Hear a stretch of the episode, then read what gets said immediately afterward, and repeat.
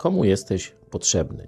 Dziś wielu, szczególnie młodych ludzi, zadaje sobie to pytanie, e, szuka odpowiedzi e, w swojej grupie rówieśniczej, w jakichś może akcjach, wolontariacie. Niektórzy są zniechęceni, myślą, że nikomu nie są potrzebni, że do niczego się nie nadają. Ja chciałem Cię zachęcić do zmiany zdania, jeśli borykasz się z tym pytaniem, nie w oparciu o to, co ludzie mówią, ale w oparciu o to, co sam Bóg o tobie mówi. Pewnie już wiesz, że dla Boga jesteś bardzo cenny.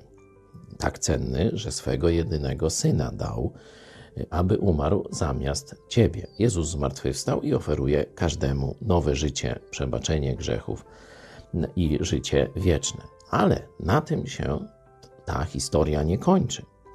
Bóg coś buduje. Bóg cały czas coś buduje. I e, tym, co buduje, jest Jego Kościół. Oczywiście nie chodzi o papieża, biskupów i całe to tałatajstwo. Chodzi o żywy Kościół Jezusa Chrystusa, e, czyli ciało Chrystusa. I ono jest zbudowane na samym Jezusie, on jest kamieniem węgielnym, później apostołowie prorocy i tak dalej, a teraz jest każdy z nas. Teraz Bóg potrzebuje do tej budowli każdego z nas. Dziś wieczorem, jeśli ten temat Cię ciekawi, zapraszam na studium Biblii 12 rozdziału pierwszego listu do Koryntian.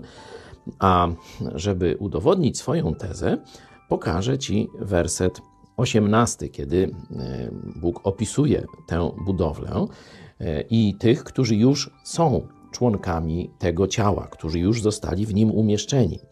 Tymczasem Bóg umieścił członki w ciele, każdy z nich tak, jak chciał. Zobaczcie, to, że ja, czy może ty, jeśli pójdziesz za Chrystusem, znajdziesz się też w tym ciele, jest wolą Boga. On chce, abyś znalazł się w tym ciele, żebyś odegrał swoją rolę dla Boga tu na ziemi.